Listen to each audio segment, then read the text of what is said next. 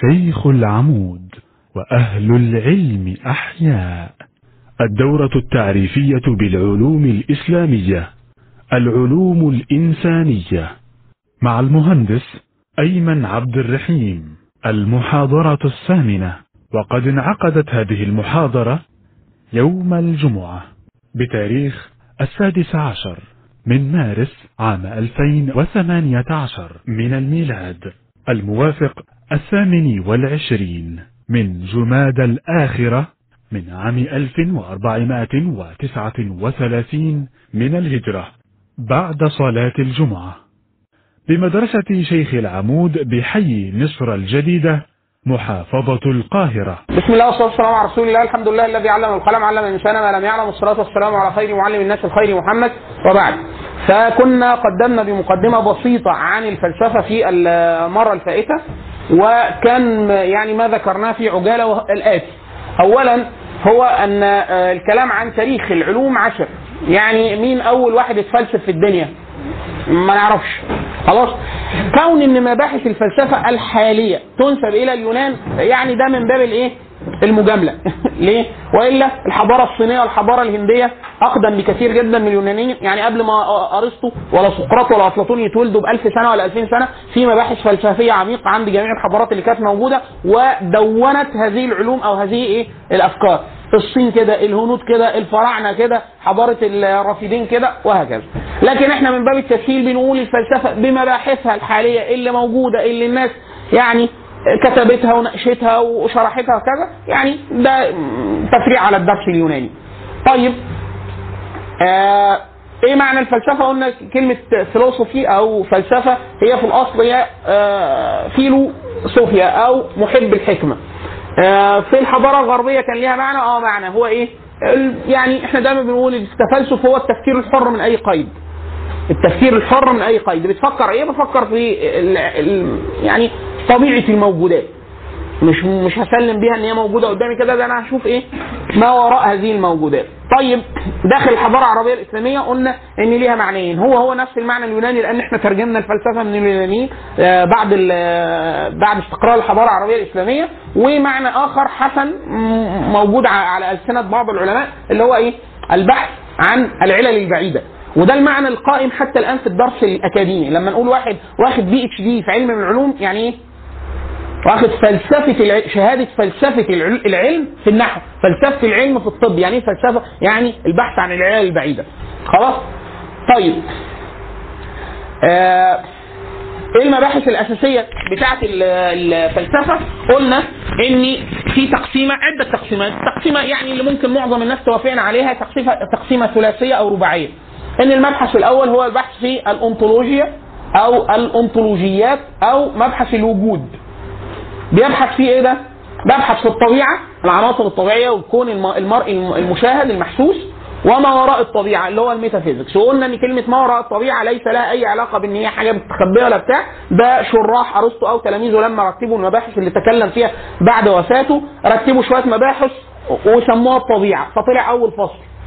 وجي جمعوا شوية مباحث متناثرة ومش ملهاش اسم لم يبوب لها ارسطو باب فقال لك هنسميها إيه؟ هنسميها المباحث اللي بعد الطبيعة. فسموها ما وراء الطبيعة. فبعد كده صارت علم على هذه المسائل من باب المصادفة إن معظم هذه المباحث كانت في الأشياء غير المحسوسة أو ما وراء العالم الطبيعي. فصارت التسمية يعني إيه؟ مصادفة موفقه جدا للمعنى اللي جه كده من غير أي تعظيم يا أستاذ محمد. لا خد ده وهات ده. ضرب فتة. خلاص؟ بعد كده بقى ورقتين شاي بتاع. شوف. طيب المبحث الثاني مبحث المعرفة أو مبحث الإبستمولوجيا اللي هو البحث في نظرية المعرفة. بنبحث في نظرية المعرفة واحد هي إيه مصادر المعرفة؟ هل هي الحواس ولا هي العقل ولا الإلهام والوحي ولا إيه بالظبط؟ وهنقول دلوقتي شوية حاجات عنه ولا الإبستمولوجي. أو الإبستمولوجيا. إحنا لما بنيجي نعرب حاجة ology زي physiology psychology. ology بنخليها لوجيا. ودي معربه يعني إيه معربه يعني إحنا خدنا المصطلح دخلناه جوه العربي وقبلناه. خلاص؟ فيعني إيه قبلناه. يعني أجرينا عليه التصريفات العربية. وأظن ضربنا مثل بإيه؟ كلمة هندسة. إحنا قلنا ان كلمة هندسة أصلا ليس- ليست عربية هي فارسية. اصلها انداز أو اندازه مقادير بالفارسية. العربي ليه مزاج صوتي. يعني إيه مزاج صوتي؟ زي ال- ال- الخواجة الانجليزي ولا الامريكي ليه مزاج صوتي؟ فهو ما عندوش خاء الراجل الانجليزي ما عندوش خاء فلو انت قلت له أنا اسمي خالد هيقول لك إيه؟ شوف بقى خالد دي هيشوحها هيوديها في اي حتة لكن مش مش هينطق خاء ابدا. العربي في أصوات ينطقها بس ما يحبهاش. يعني إيه؟ أو لو خيرته تقول له تنطق ولا ما انطقش يقول لك لا ما انطقهاش. فإن ده الهمزة يعني وليه المجهود ده؟ طب ما ما أجيب حرف حرف حلقي برضه؟ بس اهي حلو. يعني إيه؟ من غير أي مجهود خالص. تمام؟ فخلاها هندسه شوف عشان تعرف إن الراجل اللي بيقول لك يا هندسه ده راجل إيه؟ مثقف أو أصوله فارسية. المزاج الصوتي العربي لا يقبل حرف الزاي وراء الدال. حتى في بعض الترتيب في الحروف. آه، اساتذه الأصوات أو التجويد يقول لك لو لقيت الحرفين دول ورا بعض في الكلمة اعرف إن أصلها مش عربي. العرب ما تعملش كده. فالعربي صوت الزاي ورا الدال مش عاجبه. فشاله وجاب برضه حرف إيه؟ حلو زيه. فبقت هندسة. خلاص؟ ثم عربت. يعني إيه عربت؟ أجروا عليها التصريفات العربية. فيقول لك إيه؟ مهندس. ومهندسون ومهندسين وهندسة والهيئه الهيئة الهندسية. خلاص؟ فكده إيه؟ اتعربوا خلاص كده؟ زي تكنولوجيا. فعايزين نعربها لما جوا عربوها دي بيسموها باب المصادفات اللغوية. ليه عندنا جذر في العربية اسمه تقن تقن يعني حذق. حذق يعني استخدم بمهارة. خلاص؟ فتقن خلاص؟ فقال لك إيه؟ تكنولوجيا يعني دي الحاجات الدقيقة وبتاع يبقى تقنية. فيقول لك تقني وتق... وتقنيون وتقنية. وتقانة وبتاع. خلاص دخلت العرب خلاص دي معربة. بقيت إحنا إيه؟ في حاجات إحنا بناخدها زي إيه؟ مايكروسوفت. اسم الشركة إيه؟ مايكروسوفت. ما بتتعربش. ما بتتعربش. ليه؟ واحد صديقي كنت بكلمه عن التعريب وبتاع حاولت اقنعه فما رضيش. في علوم الحاسب قال لي لا لا لا التعريب الترجمة بتجيب حاجات صعبة. قلت له لا دي ترجمة حرفية. لو واحد دارس اصطلاح وترجمة اصطلاح هيطلع كلام كويس. قال لي أنا قريت مرة كتاب آه، معرب مايكروسوفت. فقلت له معربها إيه؟ قال لي كان كاتب على نظام آه، Microsoft Windows. نظام شبابيك الصغير الطري. مسك مايكروسوفت دي فكها micro و soft وترجمهم. يا حاج ما بنعملش كده. الاصطلاح ده ملوش أهل يسألوا عليه. في مادة كنا بندرسها في التمهيد الماجستير في علم اللغة اسمها مادة المصطلح العلمي. يعني أي مصطلح عشان ينتقل من لغة للغة ليه قواعد. بس لما واحد بيكون يا إما جوجل يا إما واحد مش دارس ده فبيطلع حاجة اللي هي إيه؟ نظام نظام شبابيك الصغير الطري. خلاص؟ في حاجات ده واسمه Windows Windows بتقابل واحد اسمه جورج. واحد اسمه إيه؟ آه Killer Man فانت بتقول له اسمك إيه؟ بيقول لك Killer Man إيه بقى اسمه Killer Man هتيجي تكتبها بالعربي تكتب كيلر مان تكتبها. يعني إيه؟ ترانسكريبشن تكتبها زي ما هي. ما تقولش إيه؟ الرجل القاتل. لا ما, ما بنعملش كده. خلاص؟ فالمبحث الثاني الابستمولوجي أو الابستمولوجيا اللي هو مبحث المعرفة. إيه مصادر المعرفة؟ كل فلسفة بتحدد. واحد يقول لك أنا لن أؤمن أو أنا لن أعترف إلا بما تستقبله الحواس. يعني لازم أشوفه واشمه وأسمعه أو بتاع وهكذا. واحد يقول لك لا الوحي والإلهام الأشياء اللي بتقذف في قلبك كده أو في عقلك بدون أي ده هو ده أهم حاجة. أو الحاجات العقلية زي الرياضيات واللي ليها قواعد مبرهنة وبتاع. سؤال كمان جوه مبحث الإبستمولوجي مدى يقينية المعرفة؟ تقدر تمسك في حاجة تعرفها وتقول إن هي 100% يعني مباحث الف... ال- الفلسفات المختلفة. كل فيلسوف لو جبناه قعدناه هنا وقلنا له الناس اللي أنت شايفهم شايفهم ولا مش شايفهم؟ هتلاقي إجابة بحسب نظرية المعرفة عنه واحد يقول لك شايفهم أنت متأكد إن هم موجودين؟ آه بنسبة واحد يقول لك 70% أو واحد في واحد هيقول لك 50 50 وفي واحد هيقول لك 100% أنا طبعا بحكم إن أنا مسلم عاقل بقول إن أنتوا قاعدين قدامي 100% واحد يقول لك ما ممكن تكون بتحلم. آه يسقط التكليف. كده مفيش تكليف يبقى أنا مجنون. أنا ما أصليش وما أتوضأ خلاص، ما- ما- ما- تسقط التكاليف. ليه؟ لأن رب العزة تعبدك بالعقل. فلو انت عقلك بيتشكك لدرجة إنت مش عارف تثبت الأشياء فأنت مش هتبقى عارف صليت ولا ما صليتش. اتوضيت ولا ما اتوضيتش. اتجوزت ولا ما اتجوزتش. أنا اتغديت فتة ولا ما اتغديتش فتة هيبقى الكلام كله إيه؟ يتساوى. فهل مدى يقينية المعرفة؟ دي داخلة جوه الفلسفة. في مبحث الإبستمولوجي أو مبحث نظرية المعرفة. خلاص؟ المبحث الأخير مبحث ال axiology أو مبحث الإيه؟ القيم. بيجاوب على ثلاث أسئلة جزئية جوه مبحث ال axiology. واحد لازم تقول لنا فلسفة الجمال بتاعتك مبنية على إيه؟ يعني أنا لما أوريك صورة أو لوحة أو حتى شيء في الطبيعة حلو ولا وحش؟ طبقا لأي معيار؟ فمثلا لو واحد مثلا فلسفته إن الطبيعة أتم شيء والطبيعة أكمل شيء سواء بإن هي جميلة في ذاتها أو إن هي من قبل خالق والخالق ده مبدع حكيم عظيم وك... تم العلم تم القدرة فيبقى ده أحسن حاجة. أحسن خلقه التي خلقها الله. فلما أجي ارسم لوحة هرسم الحصان كما خلقه الله. لو عرفت اقرب قوي من الحصان زي المخلوق أنا ببقى حاسس ان أنا كده إيه؟ مبدع. خلاص؟ فلازم اجاوب على فلسفة الجمال اللي هو إيه؟ ما هو الحسن وما هو القبيح. إيه الحلو وإيه الوحش؟ خلاص؟ واحد يقول لك إيه؟ لا بس دي مش محتاجة فلسفة. لا والمصحف محتاجة فلسفة. ليه؟ حد بيشوف يكون والعياذ بالله والعياذ بالله والعياذ بالله. عدى كده شاف عرض أزياء من اللي بيجوا اللي هو إيه؟ up to date يعني يكون حاجة بتحصل دلوقتي. انت تبقى قاعد. إيه هو ليه عمل كده؟ ستات ورجاله لابسين حاجات غريبة جدا. طب ده شكله مش حلو. فانت إيه؟ انت عندك فلسفة للجمال. هو شايفه انه إيه؟ شايفه ان هو حلو. اثنين الصواب والخطأ. عايزين آلة تضبط الصواب والخطأ. يعني أنا لما أقول لك إيه؟ تعرف مصر؟ آه أقوى دولة في العالم. إحنا منيمين العالم من المغرب. إحنا بقى يعني انت مش عارف ما تعرفش. مخبين أسلحة هندوخ العالم. فأنت إيه؟ الكلام ده صح ولا غلط؟ فواحد يقول لك إيه؟ أكيد غلط. واحد يقول لك إيه؟ أكيد صح. مفيش آلة تضبط الذهن عن الخطأ أو الزلل عشان أعرف الصح صح والغلط غلط بدل ما نعك. خلاص؟ فإحنا بنقول آه اللي هو المنطق. الآلة القانون اللي بيضبط العقل عشان لا يقع في الزلل أو الخطأ. إيه الصح وإيه الغلط؟ إيه الصواب إيه الخطأ؟ فده المنطق. ده جوه مبحث ال axiology. في ناس بتحطه أحيانا جوه مبحث المعرفة. في ناس بتاع, بتوع عشان لو لقيتوه في الابستمولوجي ما تستغربوش. والسؤال الأخير بتاع التحسين والتقبيح. اللي هو إيه؟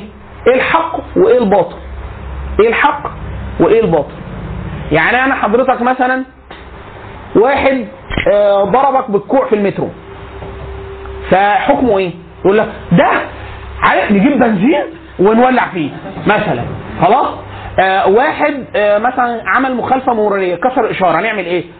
إحنا لو قطعنا إيد واحد الناس كلها تنضبط. أو نخزق له العجل. نخرمه له مثلا واحد يقول لك إيه؟ طب هو ده صح ولا غلط؟ طب اللي قتل نقتله ولا ما نقتلوش؟ واحد يقول لك والله انت زعلان ان هو قتل واحد هتخلي المجتمع يفقد اثنين فده مش كويس فما تقتلوش. واحد تاني هيقول لك والله هو ما أجرمش من نفسه. ده المجتمع اللي دفعه كده وممكن يكون جينيا غير مسؤول عن كده وراثي خلاص؟ فعشان كده في دول فلسفة بتاعتها لما بتيجي تخش في القانون بتلاقي إيه لغت أحكام الإعدام. يعني أنا لو قتلت ما حصلش حاجة آه حد مسدس تروح قاتله ربنا يوفقكم. خلاص؟ في دول تانية بتقول لا يتقتل. يتقتل إزاي؟ نكهربه نشنقه من رجليه. في ناس يقول لك بالحد. ما زالت السعودية مثلا حتى الآن بتستخدم ال- السيف. إحنا هنا في مصر نخنقه يعني إيه؟ في دول بالشن. أمريكا قعدت فترة ما أعرفش في ولايات لغاية دلوقتي يمكن بالكرسي الكهربائي. وهكذا. خلاص؟ في دول آه، بتضربه بالنار. بيبقى حاجة لطيفة جدا. خلاص؟ وهكذا. طيب في ناس بتضيف مبحث رابع وفي ناس بتقول المبحث ده مضمن يا إما الثلاث مباحث دول الأساسيين اللي الناس كلها بتتفق عليهم. أحيانا بيضيفوا مبحث رابع اللي هو فلسفة العلم. فلسفة العلم. يعني إيه فلسفة العلم؟ اللي هو الثلاث أسئلة دول لو أنت جاوبت عليهم ودخلت عند جوه جو جوه كل علم من العلوم خلاص؟ يبقى أنت كده واقف في مساحة فلسفة هذا العلم.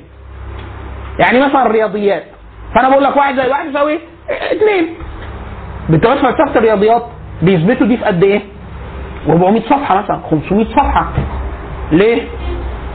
عشان يقول لك يعني إيه واحد؟ ويعني إيه زائد؟ ويعني إيه اتنين؟ ويعني إيه يساوي؟ خلاص؟ ده فين؟ في فلسفة العلم. فلسفة العلم. زي بالظبط لما حضراتكم تكون في قانون إحنا خدناه في إعدادية ولا في ثانوية. قانون حركة مثلا ولا بتاع حاجة من نيوتن بنحل بيها مسائل لما حد يخش هندسة ولا علوم تلاقيه ليه إيه؟ إثبات. ليه إثبات رياضي. وليه بتاع الفيزياء؟ بتاع الفيزياء. ما بيبصش للقانون ده إن هو مسلم. ده ممكن يبحث في العلل البعيدة ورا هذا القانون فممكن يقول لك القانون ده مش دقيق. زي ما أينشتاين عمل مع نيوتن وزي ما بعد ال... بعد أينشتاين عمله مع أينشتاين. قال لك لا في term ناقص. لو السرعات زادت والكتل قلت لا إحنا عايزين نحط term على المعادلة بتاعت نيوتن. وهكذا. خلاص؟ ففي ناس بتضيف مبحث رابع اللي هو فلسفة العلم. طيب السؤال اللي أنا يلزمني كمسلم متعلق بالفلسفة أدرس فلسفة ولا لأ؟ ولو درستها دراسه أدرس إيه اللي فيها؟ فإحنا بنقول في جانب في الفلسفة بيجاوب على السؤال بتاع الأنطولوجيا اللي هو إيه؟ الكون ده إيه؟ وجه منين؟ فإحنا بنقول هذا المبحث ملوش أي لازمة معانا كمسلمين. ليه؟ لأنه ده هو ده وظيفة النبي عندنا كمسلمين، ليه إحنا بنقول عندنا كمسلمين؟ أنا النبي بالنسبة لي وظيفته إن هو يخبرني عن الأشياء الغيبية، فيقول لي من هو الله؟ إيه صفاته؟ إيه صفاته؟ كيف يحاسبني الله عز وجل؟ مراد الله عز وجل مني، كيف خلق الخلق؟ إيه طبيعة الكون ده؟ وهكذا. فلو أنا داخل الفلسفة عشان أدرس مبحث الإلهيات ده مش مفيد اطلاقا لأي مسلم. هم المفيد لمين؟ لو كان. يعني إمتى يكون المفيد للمسلم؟ لو المسلم ده متخصص في الفلسفة. أو متخصص في مقارنة الأديان. أو في الفلسفة المقارنة. ليه؟ بحيث يفهم منطلقات هؤلاء الناس وما الذي جعلهم يحيدون عن التصور المنضبط للإله. لأن إحنا بنقول إن التصور ده إحنا مخبرين بيه من قبل الوحي. هو عمال يلف ويجي يقول لك طب ما ممكن يكون طب مش عارف إيه وبتاع فاحنا بنقول المبحث ده ما يلزمناش ليه؟ لأن دي الإجابة اللي جاوب لنا عليها النبي. خلاص فاحنا مكتفين بده مكتفين بده خلاص النبي صلى الله عليه وسلم واحد يقول لك طب ما نبص عليهم يمكن يكونوا بيقولوا حاجة معرفة حاجة مفيدة تنفعنا فاحنا منهيين عن ده. لو انت دخلت من باب ان انت عايز يعني انت مسلم آه مؤمن إن في إله آه ما يلزمكش المبحث ده إن أنت تاخده من أي حتة ثانية. ليه؟ النبي صلى الله عليه وسلم آه، في جا- جالس مع الصحابة في يوم من الأيام فجاء عمر بن الخطاب، كان سيدنا عمر بن الخطاب قابل رجل من اليهود، واليهودي ده يعرف عبراني ويعرف عربي. خلاص؟ فترجم لسيدنا عمر بن الخطاب بعض كتب يهود. سيدنا عمر بن الخطاب قرأها فوجدها مطابقة جدا لما جاء به النبي صلى الله عليه وسلم. فإحنا دايما نقول آه كل الأنبياء أرسلوا بالإسلام. خلاص؟ فجزء كبير جدا من رسالات الرسل متطابقه تماما. تماما. يعني إيه؟ عشان كده النبي صلى الله عليه وسلم يقول إيه؟ سورة كذا وسورة كذا وسورة كذا. دي إيه؟ دي تحوي التوراة والإنجيل. يعني كل ما أوحي لعيسى وموسى في التوراة والإنجيل جمعتهم البقرة وال عمران وبعض الصور التي دل عليها النبي صلى الله عليه وسلم. والنبي صلى الله عليه وسلم أضيف ليه بقى إيه؟ الفاتحة والمفصل. مفصل على خلاف لكن من قاف لاخر المصحف والفاتحة. دي آه، النبي صلى الله عليه وسلم أوتيها من كنز من تحت العرش. يعني دي إيه؟ دي اللي هي ده اللي فضل بيه النبي صلى الله عليه وسلم عن بقية الأنبياء. لكن البيان التالي لو إحنا متأكدين أو في نسخة ما من الإنجيل وترجمنا حاجة منها وتطابقت معانا مم، فاحنا مش هنندهش ولا حاجة. ليه؟ لأن هو الأنبياء كلهم جاءوا بدين واحد. ولكن أقوام هؤلاء الناس لم يحملوا هذه الرسالة حق حق حمل فحرفوها فحرفوا جزء واستبقوا على جزء. عشان كده إحنا لم إحنا منهيين عن تكذيب أهل الكتاب ومنهيين عن تصديقهم. يعني لا تصدقوهم ولا تكذبوهم. خلاص؟ ليه إحنا ما نصدقش؟ افرض واحد قال لك إيه؟ واحد مسيحي بيقول لك الإنجيل فيه كذا كذا كذا تقول له كذاب. على عشان انت متصور إن الإنجيل محرف. هو مش كله محرف. ففي جزء قد يتطابق تماما مع جاء ما جاء به النبي. فلو قال لك حاجة مما تتطابق معاه إحنا بنصدقهم مش عشان هم اللي أنشأوا لنا المعلومة. إحنا عارفين كده. يعني لو قال لك قصة قصة سيدنا يوسف مثلا ولا بتاع وطلعت مطابقة في جزء كبير جدا منها اللي عندنا طب نقول له إحنا عارفين ده. ليه؟ عشان القرآن قال كده. خلاص؟ واحد قال لك معلومة عن سيدنا يوسف ما جاتش في قصة سيدنا يوسف. لا نصدق ولا نكذب. ما بنقولش تكذاب. ليه؟ قد يكون مما أوحي للأنبياء. ده الاسرائيليات زي الاسرائيليات خلاص فالإسرائيليات اللي بتتوافق معانا إحنا بنقبلها من باب الاستئناس اللي ما ذكرش عننا حاجة بنخ- بن- بنخبر بيها كده لا من باب التصديق ولا التكذيب. الأشياء اللي بتتعارض تماما مع ما جاء به النبي صلى الله عليه وسلم بنرفضها وبنقول ده مما أدخلته هؤلاء هذه الأمم في دينها كذبا على الله ورسله خلاص كده؟ طيب. فعمر بن الخطاب طلب من الرجل اليهودي أن يترجم لي شوية حاجات فترجمها فعمر بن الخطاب جايبها فدخل على النبي صلى الله عليه وسلم وأخذ يقرأ منها متعجبا يقول يا نبي يا رسول الله يعني رجل من يهود.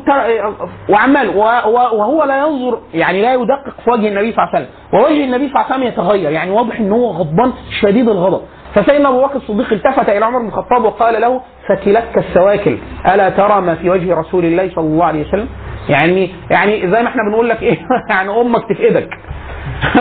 زي السكلاء لما يقال للرجل في العربية هي طبعا مش دايما على من باب الدعاء لكن من باب التقريع. واحيانا بتقال في سياق لا تقريع على بتاع زي ما إحنا يقول لك يخرب بيتك أنت جبت امتياز لا هو مش يخرب بيتك يخرب بيتك. يعني هو إيه من باب اللي هو إيه يعني حاجة لل فقال له سكلتك السواكل ألا ما ترى ألا ترى ما في وجه رسول الله صلى الله عليه وسلم؟ فسيدنا عمر نظر في وجه النبي صلى الله عليه وسلم فتبين غضب النبي صلى الله عليه وسلم. فالنبي صلى الله عليه وسلم قال له أو متهوكون فيها يا ابن الخطاب؟ يعني متشككون فيما جئت به من عند الله عز وجل فوالله لو كان موسى بين ظهرانيكم ما وسعه إلا أن يتبعني.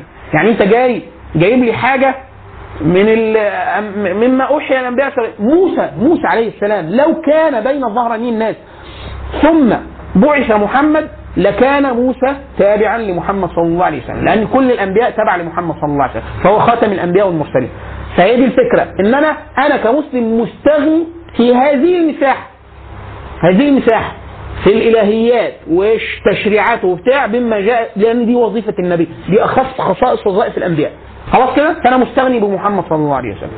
واحد يقول لك طب ما ممكن يكون في الإنجيل اقرأ الإنجيل يا أخي مش ده ممكن يكون في جزء متبقي من عند الله كل ما كان من عند الله حق في الإنجيل فهو مضمن في القرآن. عشان كده إيه؟ ومهيمن الكتاب القران مهيمن على جميع الكتب يعني إيه مهيمن؟ يعني يحويها جميعا.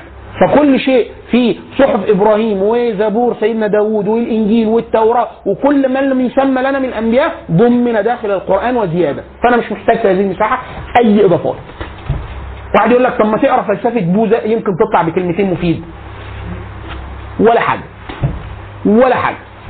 اقرا كتاب فيزياء عشان اعرف طبيعه الجزيئات بتتحرك إزاي حيها لك النبي صلى الله عليه وسلم قال ما كان من أمر الدنيا فمرده إليكم وما كان من أمر الآخرة فمرده إلي. دي وظيفة محمد صلى الله عليه وسلم إن أنت تيجي تسأله فين؟ في أمر الآخرة. أمر الدنيا آه، هو محمد صلى الله عليه وسلم ممكن يجي يسأل أي حد من أحد الناس يقول له والله البتاع في الطب دي بتعملوها إزاي؟ يعني عشان كده النبي كان بيجيب طبيب. طبيب. كان النبي صلى الله عليه وسلم يتطبب ويتداوى. خلاص. ورخص لامته في التداوي. فمن أراد أن يتداوى تداوى ولا بأس. ومن أراد لم يتداوى تد... لم يتداوى ولا بأس. خلاص. فالنبي رخص في هذا. خلاص.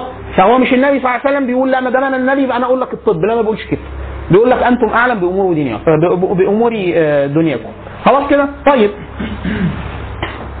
عمر بن الخطاب هو هو لما تعلم هذا الدرس وهو في خلافته كان المسلمين في أحد الفتوح وجدوا جثة رجل على سرير فقالوا قالوا لهم قالوا سألوا أهل البلد قالوا لهم مين ده؟ قالوا له ده نبي اسمه دانيال ميت ليه كام سنة؟ مئات السنوات وجثته كما هي وإلا الأنبياء لا تأكلها ال- الأرض محرمة اجساد الأنبياء على على الأرض. فقالوا لعمر بن الخطاب قالوا له ده إحنا رحنا لأرض في الفتوح فلقينا كذا وكذا فقال حق. لو هو فعلا ليه مئات السنوات فعلا يبقى نبي.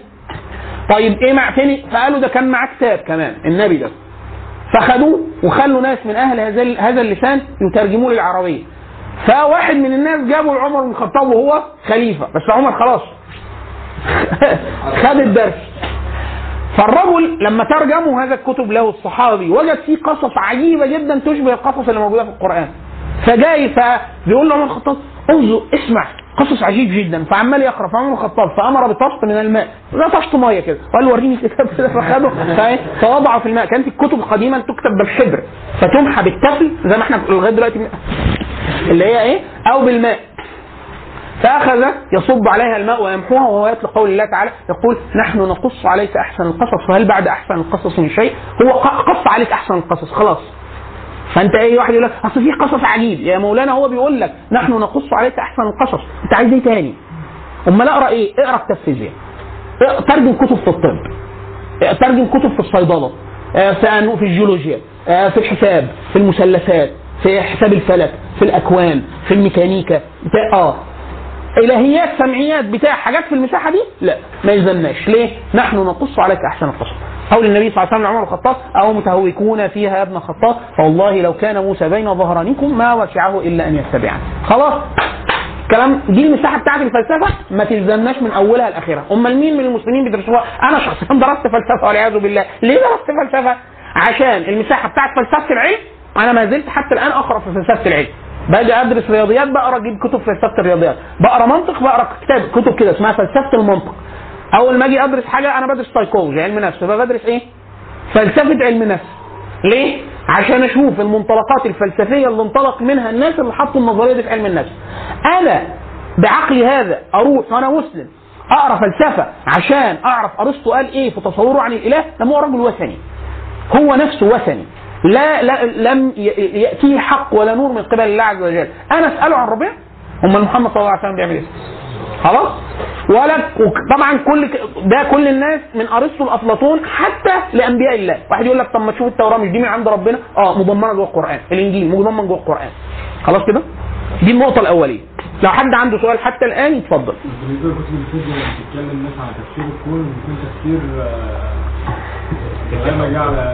دي مش فيزياء يا مولانا. دي مش فيزياء. الفيزياء العلم لا يتكلم عن الله. ليه؟ بس نظريه كونيه بتفسر آه، مثلا ماشي الكون أو زي نظرية التطور أديك في في قاعدة اتفضل. من بعد ال Big Bang ال- الفيز- الفيزيائيين هم اللي اتكلموا. إنما قبل كده ال- الفلاسفه هم يا مولانا حتى ال Big Bang ده فرضية. فرضية. يعني يعني يعني من الناحيه التجريبيه أكنها ما حدش قال حاجة. ليه؟ حاجة تجريبية يعني إيه؟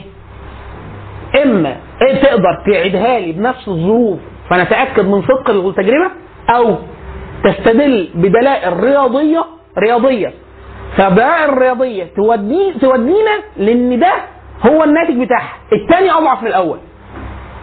الثاني أضعف من الأول. يعني إحنا لو قلت لي إيه؟ قلت لي شو عملت شوية حسابات رياضية كده وقلت لي على فكرة كده يبقى إحنا ال- الكرة الأرضية كورة.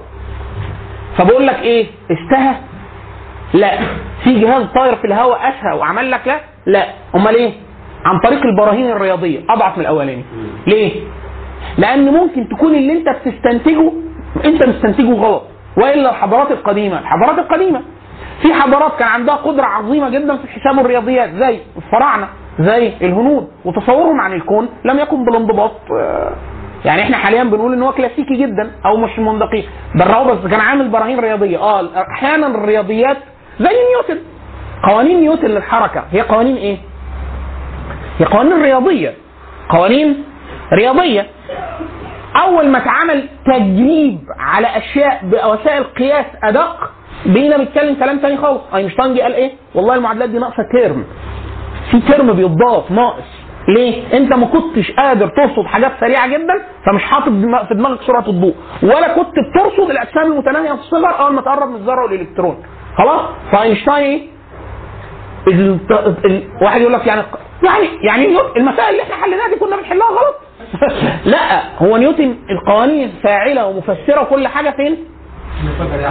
بطيخة آه، آه، آه، كرة بلياردو يعني أي حاجة كبيرة وسرعات أقل أقل من سرعة الضوء يبقى إحنا كده شغالين إيه؟ نيوتن شغال الراجل بايه؟ آه، أسرع من فإحنا بنقول إيه الحاجات الرياضية دي إيه؟ تحل بيها مسائل تنجح بيها في الكلية بتاع لكن هل دي تفسير قطعي للأشياء؟ لا. ده حاجة بس إيه؟ نموذج استئناسي لغاية ما يعاد النظر فيه اللي هو بيسموه البوسيبيليتي القابلة للتخطئة. وإلا ما يبقاش علم. يبقى إيه؟ هم يقولوا كده. إما يبقى دوجما أو ميتافيزيكس أو دين. يعني أنا كمسلم بقول لك إيه؟ في عذاب قبر 100% عملت تجربة؟ لا. ليه؟ لأنه أصلا ده مش جاي من هذه الطريقة التجريبية. ده بخبر الصادق. مين اللي قال لك إن محمد صادق؟ لا دي قصة ثانية بقى. عشان كده بقول لك إيه؟ في حاجة اسمها آه، اسمه إيه ده؟ علم حديث في روايات عشان أثبت لك إن محمد كان قاعد وبعد كده نشوف البراهين العقلية اللي مبثوثه في القرآن والسنة على صدق النبي. يعني ده مش تجريبي؟ لا مش تجريبي.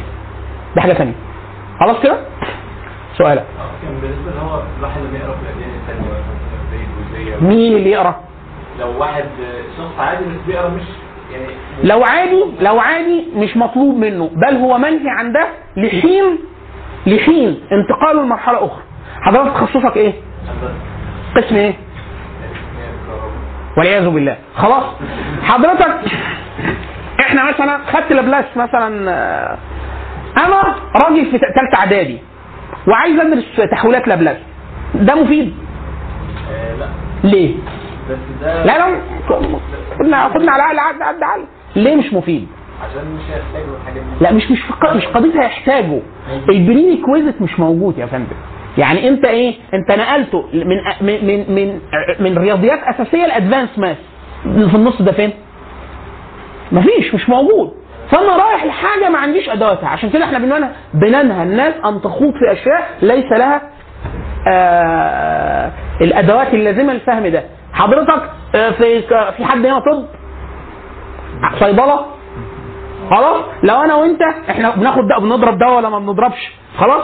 كل شوية عمالين نجيب كتب pharma وبنذاكرها pharmacology. عشان إيه؟ نشوف بقى بيضحكوا علينا الجماعة دول بيبيعوا ولا ما بيبيعوا. هو لو الراجل لو شافنا بنعمل كده هيقول إيه؟ هيقول إيه؟ ليه؟ عشان مش كده لأن الموضوع مش كده. الصيدلة دي علم معقد جدا. الراجل ده هرى كيمياء. انت هرى حاجات. وكيمياء حيوية ممكن يكون درس وبتاع وبيولوجي وشوية حاجات من طب وبتاع عشان يبقى قادر يفهم اللي إحنا بنقول كده. بنقول يا إخواننا الأصل في المسلم إنه لا يتلقى أي رافض في الإلهيات في الإلهيات والأوامر الشرعية وبتاع من غير رافض صاحب الشريعة. ليه؟ لأن دي مساحة مربكة جدا للذهن وهو ما عندوش الأدوات لده. طب أنا ما ينفعش أدرسه؟ ينفع تدرسه. إمتى؟ لما بتد- تاخد ال- إيه الحاجات الأساسية؟ بتدرس دينك كويس آه عقيدتك كويس ال ال ال بتدرس منطق بتدرس أصول بتدرس علم كلام وبعد كده بتروح لهذه الفلسفات بتدرسها من باب إيه؟ معاك الأدوات وداخل. لو أنت عملت القفزة اللي أنت بتقول عليها دي إحنا بنقول لك إيه؟ هتقرأ في البوذية. أنت قريت الإسلام أصلا؟ قريته بدقة؟ لا يبقى أنت كده قفزت إحنا مش بنقول ما تقراش. بنقول تقرأ لما تكون إيه؟ متأهل لده. بس. اتفضل. الواحد عمره ما هيقدر إن ما يتعمق في الإسلام مثلا بشكل هو هيفضل طول ما هو حياته يحاول إن هو يفهم صحيح. مختلفه لكن ساعات مثلا بيبقى قاعد مع واحد مثلا من دين تاني أو كده وبيتكلموا عن الاديان فالمسلم هيبقى لحظتها يعني تمام. مش عارف يتحاور معاه. هنا بقى يا مولانا الفرضية اللي حضرتك قلتها دي فرضية مناقضة لأصل القرآن. القرآن نفسه بيقول إيه؟ قرآن قرآن عشان كده إحنا بنقول إحنا مكتفيين بالقرآن. القران رد رد على جميع التصورات العقدية اللي ظهرت وهتظهر ليوم القيامة. خلاص؟ اللي هي إيه؟ أصول الاعتقاد في الله عز وجل. عشان كده القرآن إحنا بنقول إيه؟ أما النبي صلى الله عليه وسلم فيقول إيه؟ حديث آه، حديث عن أبي هريرة رضي الله عنه يقول قال رسول الله صلى الله عليه وسلم ما من آه، ما من الأنبياء من نبي آه، إلا قد أعطي من الآيات ما مثله آمن عليه البشر ما مثله عليه آمن البشر. خلاص؟ وإنما كان الذي أوحي إليه وإنما كان الذي أوتيت وحيا أوحى الله إليه. وأرجو أن أكون أكثرهم تابعا يوم القيامة. خلاص؟ فالآية الآية النبي المستمره هي القرآن. فالقرآن لن يترك لن يترك تصور متعلق بالباري إلا وإما ابطله أو صححه. ابطله أو صححه. عشان كده إحنا بنقول لك إيه؟ مش محتاج ان ممكن أكون أنا صوغت العبارة بصياغه فحضرتك فهمت خطأ عني. إن هو مش بقول لك إن أنت لازم تدرس علوم الإسلام بدقة شديدة جدا. على الأقل تتفهم براهين القرآن. خلاص؟ أما براهين القرآن فكافية. تماما بدون معرفة تفصيلية بالدين الآخر. بدون معرفة تفصيلية. المعرفة التفصيلية مقام مناظرة. وانت مش هتناظر ابدا. المناظر ده اللي هو إيه؟ يعني لو حد فيكم شاف مثلا ذاكر نايك ذاكر نايك هندي. خلاص الراجل مميز في حاجة. يعني كل واحد يضعف ويقوى بحسب تحصيله. هو قوي جدا في مساحة. هو إيه؟ وهندي فيعرف سنسكريتي فلما بيجي له واحد هندوسي يكلمه فيقول له إيه؟ يقول له آه أنت إله وأنا إله، يقول له أنت هندوسي؟ آه، متأكد؟ آه، قريت الفيداس؟ أو الابن شاب اللي هو الكتاب المقدس بتاعه يقول له يعني ما أنا مش متدين. أو يبدأ إيه؟ يلم ورا. بتاع يقول له طيب خد. شابتر كذا آية كذا ال- بتقول لا تصنع لإلهك صنما لا حافظ ده. هنا ده ده مفيد. فين؟ إن أنا أعرف هم بيقولوا إيه. خلاص؟ أما في القرآن فواحد يقول لك إيه؟ والله أنت إله وأنا إله وبتاع. القرآن دايما يقول لك إيه؟ لو كان في هذا الكون إلهين هتفسد السماوات والأرض. ده إله وده إله؟ يعني إله يعني تم الح- الحكمة تم القدرة تم العلم. طيب ده إله وده إله؟ مين كلامه يمشي؟ يقول لك لا الاثنين إرادتهم موحدة يبقى هو إله واحد. طب هم إلهين منفصلين يبقى ده بياخد أوامر وده بياخد أوامر والاثنين بيتصارعوا وبتاع. لو واحد أقوى من الثاني يبقى ده. فالقرآن قضى على جميع هذه التصورات ده جوه القرآن. لو أنا استوعبته؟ أنا مستوعب ده. المناظرة الدقيقة في تفاصيل الأديان لا دي عشان كده إحنا بنقول في حاجة اسمها مقارنة الأديان. اللي هو إيه؟ واحد بيجي يقول له والله إحنا عندنا في الهندوسية كذا بيقول له كذاب الفيضاس بيقول كذا كذا كذا كذا. واحد في الإنجيل بيقول كذا بنقول له أنهي نسخة من الأناجيل؟ في التوراة أنهي؟ وهم بيعملوا كده معانا. يعني في واحد لما يجي يكون بيناظر ضد الإسلام فيقول لك إيه؟ لا استنوا ده أنتوا عندكم قراءات مختلفة. للقرآن. فإحنا بنقول له لا لحظة يجي حد بتاع عالم قراءات يرد عليك. ليه؟ أنت بتقول القراءات دي 1 2 3 4 إحنا بنقول لك لا القراءات دي 1 2 3 بنصحح له التصور بتاعه. حتى نعيده لنقطه إيه؟ هل القرآن من عند الله ولا لا؟ وبتاع ونكمل بقى التصورات عن الإله نفسه. بس. فهي دي المساحة إن هو أنا كمسلم لو استوعبت براهين القرآن الأساسية أنا مش محتاج حاجة زيادة. فعلا. فعلا. لو أنا في مقام المناظرة أو الطلب لا في أدوات تانية كتير. ما هو هي بقى ما هو أحيانا من الفضول ما قتل. يعني أحيانا دايما إحنا بنقول إيه؟ في ناس بيقرأ حاجة هو غير مؤهل ليها فبتقر بيتقر الشبهة في قلبه وهو ما عندوش أدوات دفع الشبهة. وده بيحصل كتير. بيحصل كتير. التطور كبيولوجي آه، هي نظرية. نظرية يعني إيه نظرية يعني؟ مش مش مثبتة. لا طبعا وإلا ما كان يبقى كونها لا هي فيها قدر مثبت مقيس مختبر. بسبب إيه؟ إنه في حفريات أو في كائنات دورة حياتها انتنسيف مكثفة جدا فنقدر نشوف جزء من الادعاء صحيح. في جزء الباقي ده إيه؟ ده فلسفة. أماني. عشان كده كتير جدا من الناس اللي بتناظر ويكون ملحد. وبتاع تصور بتاع بتاع بيولوجي ويجي يجيب التصور يقول لك إيه؟ فيقول له أي حد قدامه بيبقى عارف بسم الله الرحمن الرحيم في المسألة فبيقول له إيه؟ هل مثبت؟ الانتقال من كذا لكذا علميا وروح قرص له عليها يقول له إن شاء الله العلم يعني يعني يقول له إيه؟ العلم آه، هيكتشف هذه مش موجودة في العلم. لا لا لا المسلم المسلم في موقفه من العلوم موقف آه، الآتي. لو اللي انت بتدرسي لي بتدرسي لي الحاجة دي آه، علم عشان يعني من أمر الدنيا خلاص. لو انت هتدخلي فيه فلسفة لا. هيبقى لا. يعني خلي فلسفتك عندك أنا عايز الأخذ العلم أنا مثلا وإحنا في ثانية ميكانيكا حد هنا ميكانيكا؟ رجالة أحسن ناس. كنا بناخد آه، مرجع في ال thermodynamics. ديناميكا الحرارية. كان اللي كاتب المرجع أمريكي أو بريطاني مسيحي. فهو مؤمن بوجود خالق. طبعا الخناقة دايما بتوعات البيولوجي مع بتوعات ال- الفيزياء. اللهم صل على النبي. بنحط عليهم حط السنين. ليه؟ لأن القوانين اللي ماشية ومضطردة وبتجاوب على أسئلة الفيزياء مش ال biology. ال biology فيه فجوات كتيرة جدا. الفيزياء عشان كده إيه؟ فبتوع ال thermodynamics بيحطوا على بتوع البيولوجي. ليه؟ لأن جزء من مسلمات القانون الثاني للديناميكا الحرارية. حتى الآن إن كل نظم الطاقة للانهيار فالأمور مش رايحه للأفضل الأمور رايحه للاسوء وهتتطربع على دماغه ودماغ ال- الكون ده هيتطربع على دماغك ودماغ اللي خلفوك. خلاص؟ بتاع نظرية التطور بيقول لك الأمور تسير إلى الأفضل وإلى الأفضل جدا ولا يعني الأمور ماشية للأحسن. بحكم إيه؟ الانتقاء ال- ال- ال- ال- ال- إن إحنا بنتكيف فاللي بيتكيف أكتر هو اللي قاعد فالنظم بما إنها عشوائية وصدرت من لا شيء هي قاعدة تتطور للتعقيد للأفضل. إحنا بنقول كيف؟ في ال thermodynamics دماغك ودماغ اللي خلفوه. هينهار. الاضمحلال في delta S كل النظم الطاقة اللي شايفاها دي المبنى ده لو سبناه. بتوع ال thermodynamics بنقول لهم لو سبناه 100000 سنة هيحصل إيه؟ يقول لك لا بقى يعني البقاء لله بقى. ليه؟ هيتحلل. يا بيه محدش هيجي جنبه. هو منظومة طاقة مجرد وجوده في الكون لوحده لوحده. هينهار. يعني ما يطورش نفسه عايز الاقيه عمل ملاهي لا. خلاص؟ فعشان كده دايما بتوع ال thermodynamics بيحطوا على البول هم بتوع الكيمياء الحيوية. يعني بتاع التطور تلاقيه قاعد عامل كده. يعدي واحد بتاع thermodynamics ليه بتاع thermodynamics أصل إيه؟ ده بتاع فيزياء. يقول له اصل العلم هيتطور عند أمك. يعني إيه أي كلام ده أمنيات أحلامك. أنت جاي تحقق أحلامك عندي. لي اللي مثبت أثبته. لا مع زمايلك. على زنزانتك يا كلب. خلاص؟ فهي الفكرة في إيه؟ إن إحنا بنقول الجانب اللي في نظرية التطور كبيولوجي نظرية بتدرس فيه جزء كبير جدا صادق مقيس مختبر. وفي جزء اللي هو إيه؟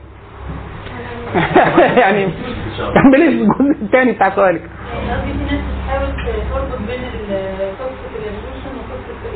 ما دي فلسفة. ما دي فلسفة. عشان كده إحنا دايما بنقول العلم العلم. واقف مساحة كده راجل بيقول لك إيه؟ أنا راجل بسيط. أنا هات لي معمل أدوات اختبارات إحصاء معاملات ارتباط بتاع. تطلع من ده أنت عايز جاي تحقق أمنياتك. يعني أنت جاي إيه؟ انت انت أنا مش عفريت المصباح. يعني جاي انت تحقق امنياتك عندي. قول لي إيه المقيس المختبر؟ تقول لي ناويين نعمل. يعني الحاجة هنجيب سيرة الحاجة كتير. فمالناش دعوة باللي انت عايز تعمله أو اللي انت بتامل ان انت تعمله. خلينا في اللي اتعمل عشان كده بتوع الفيزياء بيبقى ايدهم تقيلة جدا. بتوع الرياضيات أحيانا بيحطوا على بتوع البيولوجي جامد بسبب الاحتمالات. ليه؟ يعني التاني عمال يقول لك أصل إحنا أنت بتعرف الكور ده قديم قوي. فالتاني يطلع ورقه وقلم يقول له إيه؟ أنا بتاع الأرقام. قول.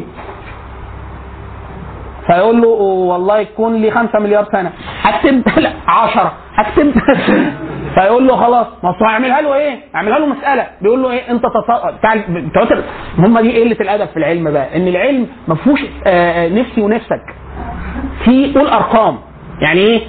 دايما مسألة مشهورة بتوع ال- ال- في المناظرة في الالحاد في الإلحاد دايما. يقول لك إيه؟ الكون ممكن العشوائي ينشئ ينشئ شيء منتظم. فإحنا بنقول له صح قانون الاحتمالات بيقول كده. قانون الاحتمالات بيقول كده. آه بس معلش هات مجموعة الحل بتاعت المسألة. يعني هو ذرات الكون قد إيه؟ في تصورك. فقول رقم. هو علم ولا فنجان؟ علم. اكتب. كم ذرة؟ كام؟ بدأ من كام سنة؟ فاكتب آه وشغل قانون الاحتمالات نعمل generate توليد لارقام عشوائية ونشوف الدقة اللي بتقولها دي معناها إن ده حصل كم مرة فبنكتبه بعد كده بقول له ده مستحيل يعني لأن أنت اللي أنت عايز تعمله ده معناه إن الكون بادئ من infinity عشان نوصل لده فبيقول له بالرياضة ينفع الكلام؟ على فكرة من الناحية الرياضية المحضة الرياضية المحضة الاحتمالات ممكن لو قعدنا نعمل كم كبير جدا من التباديل والتوافيق العشوائية في الآخر يطلع لك شيء يبدو ليك إن هو منتظم طبقا لقانون. بالكلام ده عام. ده كلام كده بالبركة. فين مجموعة الحل. يعني هم كام احتمال لمدة قد إيه وقت عشان يطلعوا قد إيه من التعقيد؟ هو ده اللي الاحتمال. عشان كده بتاع احتمال يعدي. ثيرمودايناميك فيزياء آه، كيمياء حيوية. ليه؟ لأنه كل شوية يقول لك إيه إحنا ناويين أصل هيحصل أصل ما ما- ما- ماشي يعني إحنا بطلت شتيمة من زمان بس هترجعونا تاني خلاص؟ طيب إيه الجانب المفيد؟ أنا كمسلم أدرس فلسفة ليه؟ واحد أنا محتاج أدرس الجزء بتاع المعرفة. أنا محتاج أدرس الجزء بتاع الأكسيولوجي. يعني أنا محتاج أدرس منطق. أنا محتاج أدرس فلسفة جمال. ليه؟ لاني أنا جزء في حاجات أنا مأمور بها شرعا.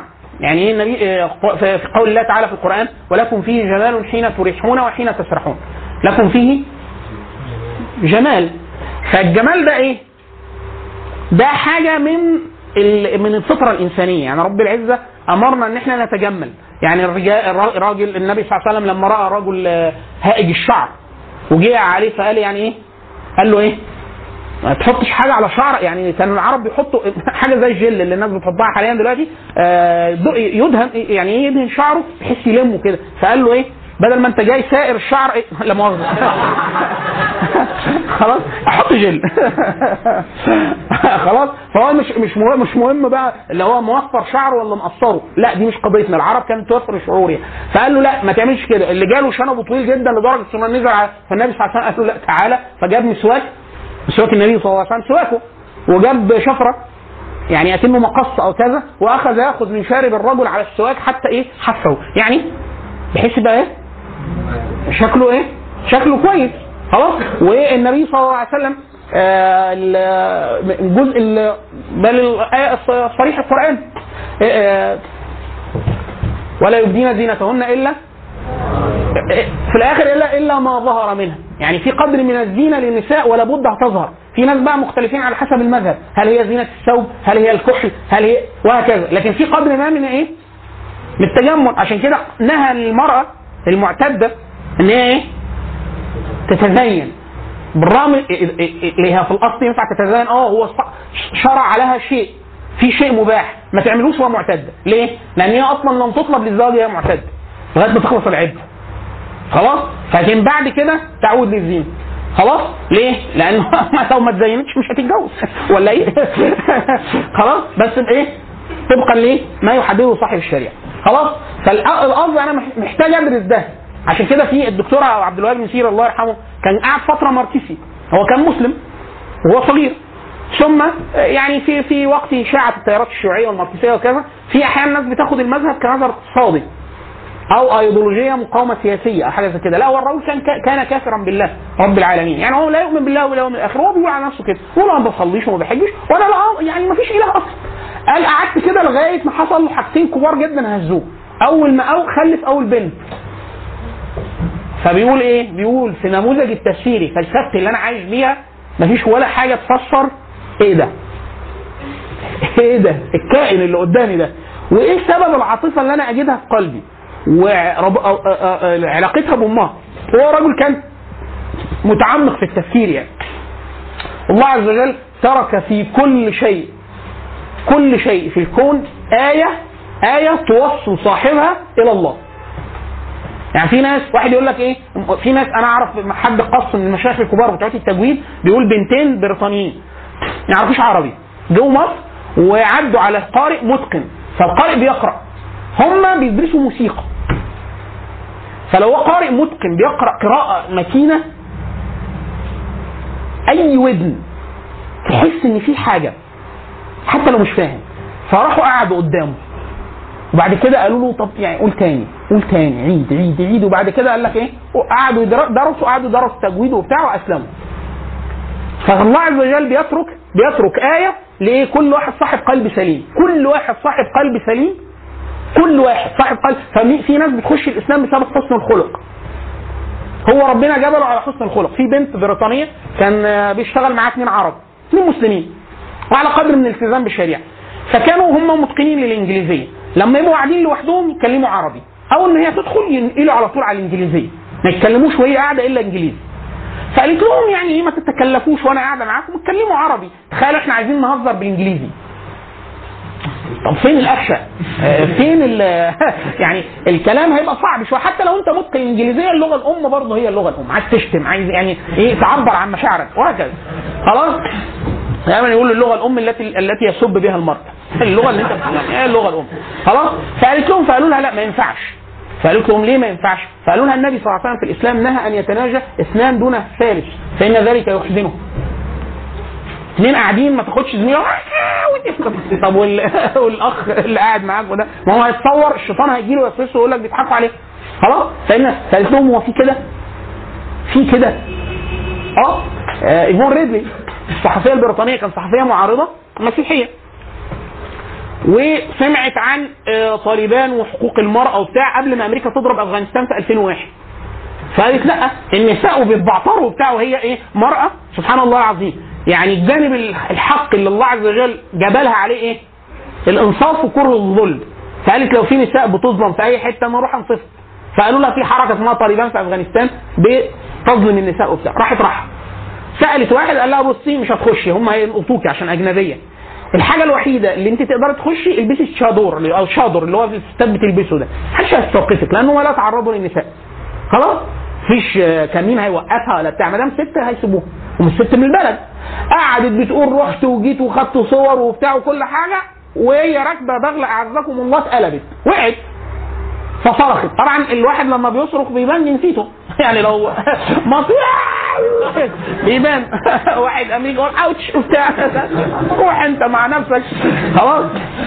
وهكذا. ففي ست سمعت صوت فراحت كشفت عنها النقاب. فلقيتها أجنبية راحت ضربها بالقلم واخداها مديها لطلبان. قالت لها جاسوس. قالت لهم جاسوس. فبتقول إيه؟ خلاص هي متصورة إن إيه؟ هتتذبح خلاص. الكلام ده سنة 2000 2001 قبل الضرب على طول. فبتقول جه قالت كل الأحداث اللي بتحصل عكس ما أنا متوقعه قال عاملوني معاملة حسنة. هو القلم اللي أنا خدته من الولية دي أول حاجة. وهم لما مسكوني خدوني. قالوا لها فين ورقك؟ وريتهم. أنا صحفية بتاع. جابوا لها حد يتكلم إنجليزي. قالت قالت بس أنا إيه؟ قالت بشتمهم. تف في وشهم. ما باكلش. ليه؟ واحد هيتعدم. آخد بحق شتيمة. يعني إيه؟ يعني أخلص الأول والجديد والقديم. فبتقول كل ما يخش معايا محقق قالت ما يبصليش في وشي. يبقى قاعد ويكلمها إيه؟ كده يقول لها انت كذا آه بتاع مش عارف إيه. قالت وأنا أقول إيه؟ أقول له بص لي في وشي مش راضي تبص في عيني عشان انت هتعدموني فانت ضميرك وبتاع. هو الراجل عشان غض من البصر فهو خلاص شافها مرة. فعشان بس التواصل. لكن بعد كده بيحرس نظره عندي الكلام. فهي مش فاهمة ده. لغاية ما في الآخر عملوا شوية إحصاءات شوية أبحاث فعلا اكتشفوا ان هي صحفية وعرفوها. وهي كانت صحفية معارضة وليها مجهود حسن يعني. خلاص؟ فقال لها إحنا تأكدنا من صحة الرواية بتاعتك وبتاع فاحنا إيه هنفرج عنها. هنسلمك من نقطة حدودية مع الباكستان وروحي. هي قاعدة بتقول إيه مش ممكن يكون هيعمل هيسيبوني وبتاع. بعد كده قال لها بس بشرط مش هنفرج عنك غير بشرط.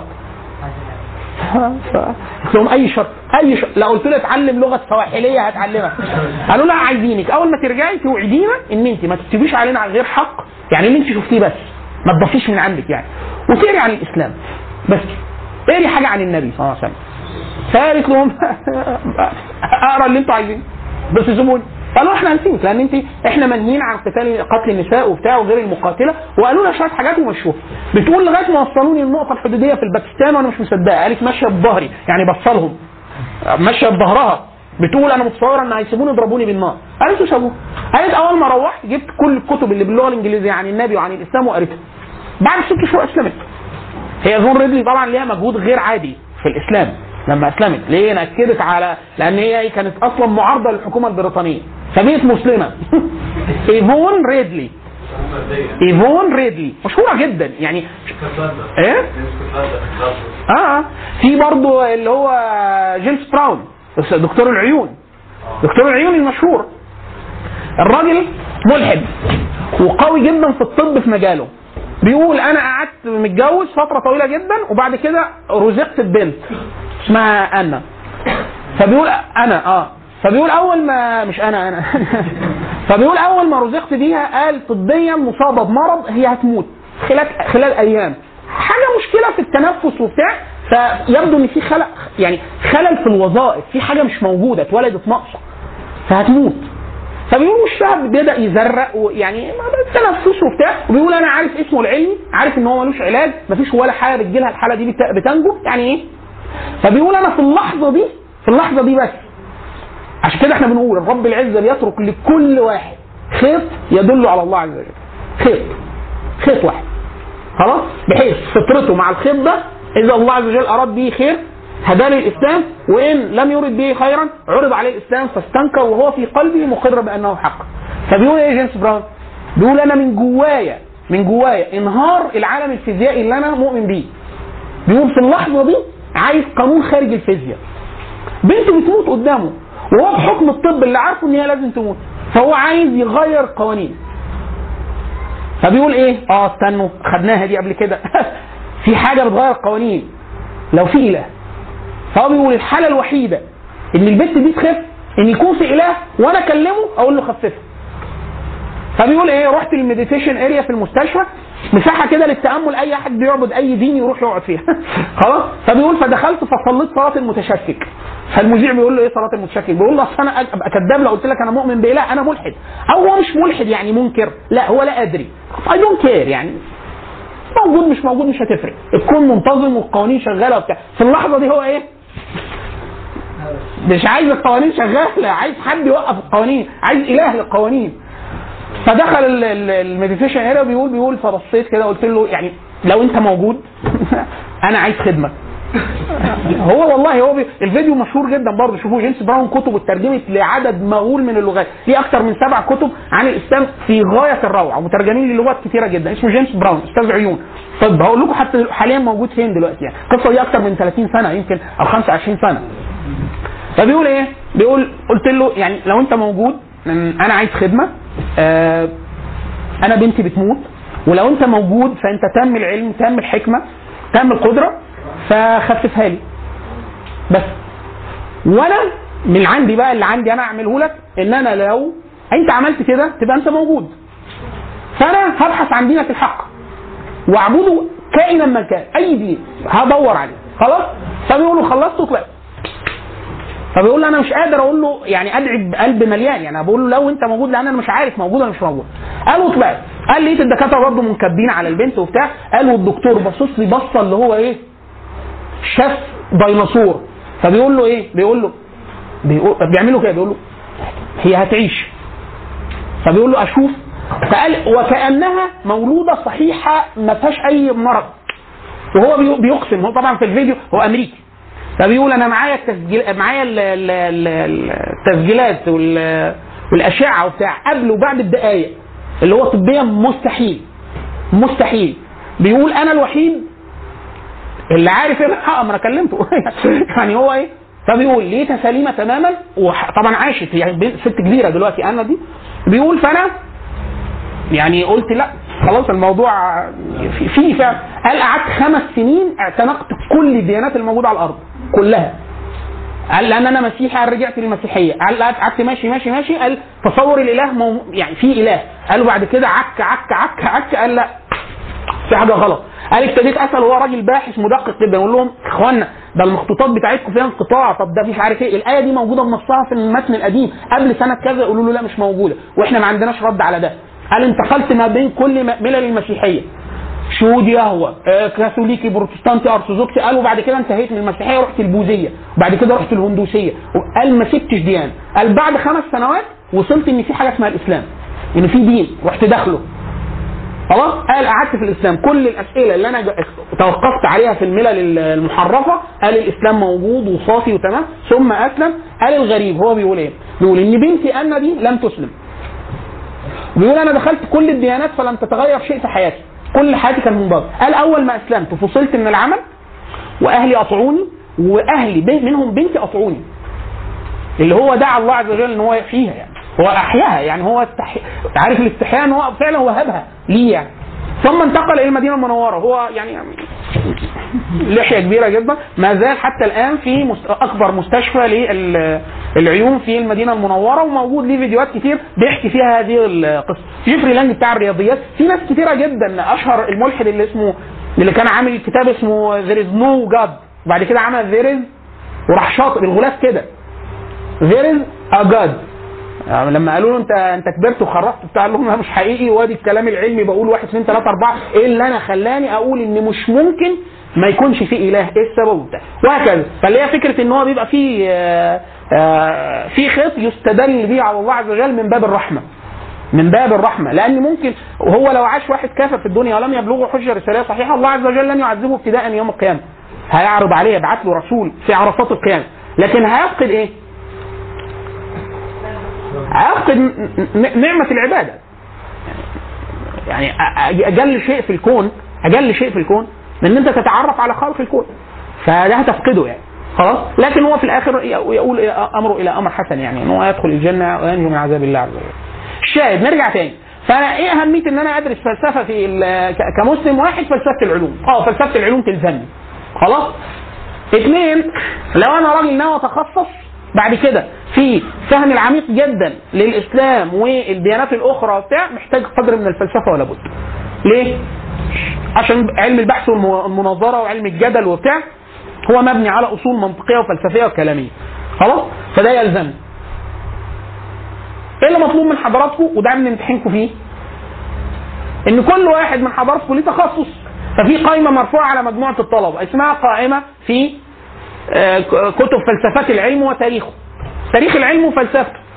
فحضراتكم هتروحوا تعملوا إيه؟ تطلعوا على القائمة اللي تخصكم. يعني القائمة معمولة كده إيه؟ كتب فلسفة علم عامة. كتب فلسفة رياضيات وتاريخ رياضيات. فلسفة وتاريخ فيزياء كيمياء بيولوجي رياض وهكذا. هندسة إدارة قانون ترجمة. كل واحد فيكم يروح للتخصص بتاعه يعرف لنا اسم واحد كتاب واحد في تاريخ الفن واسم كتاب في فلسفة الفن. بس.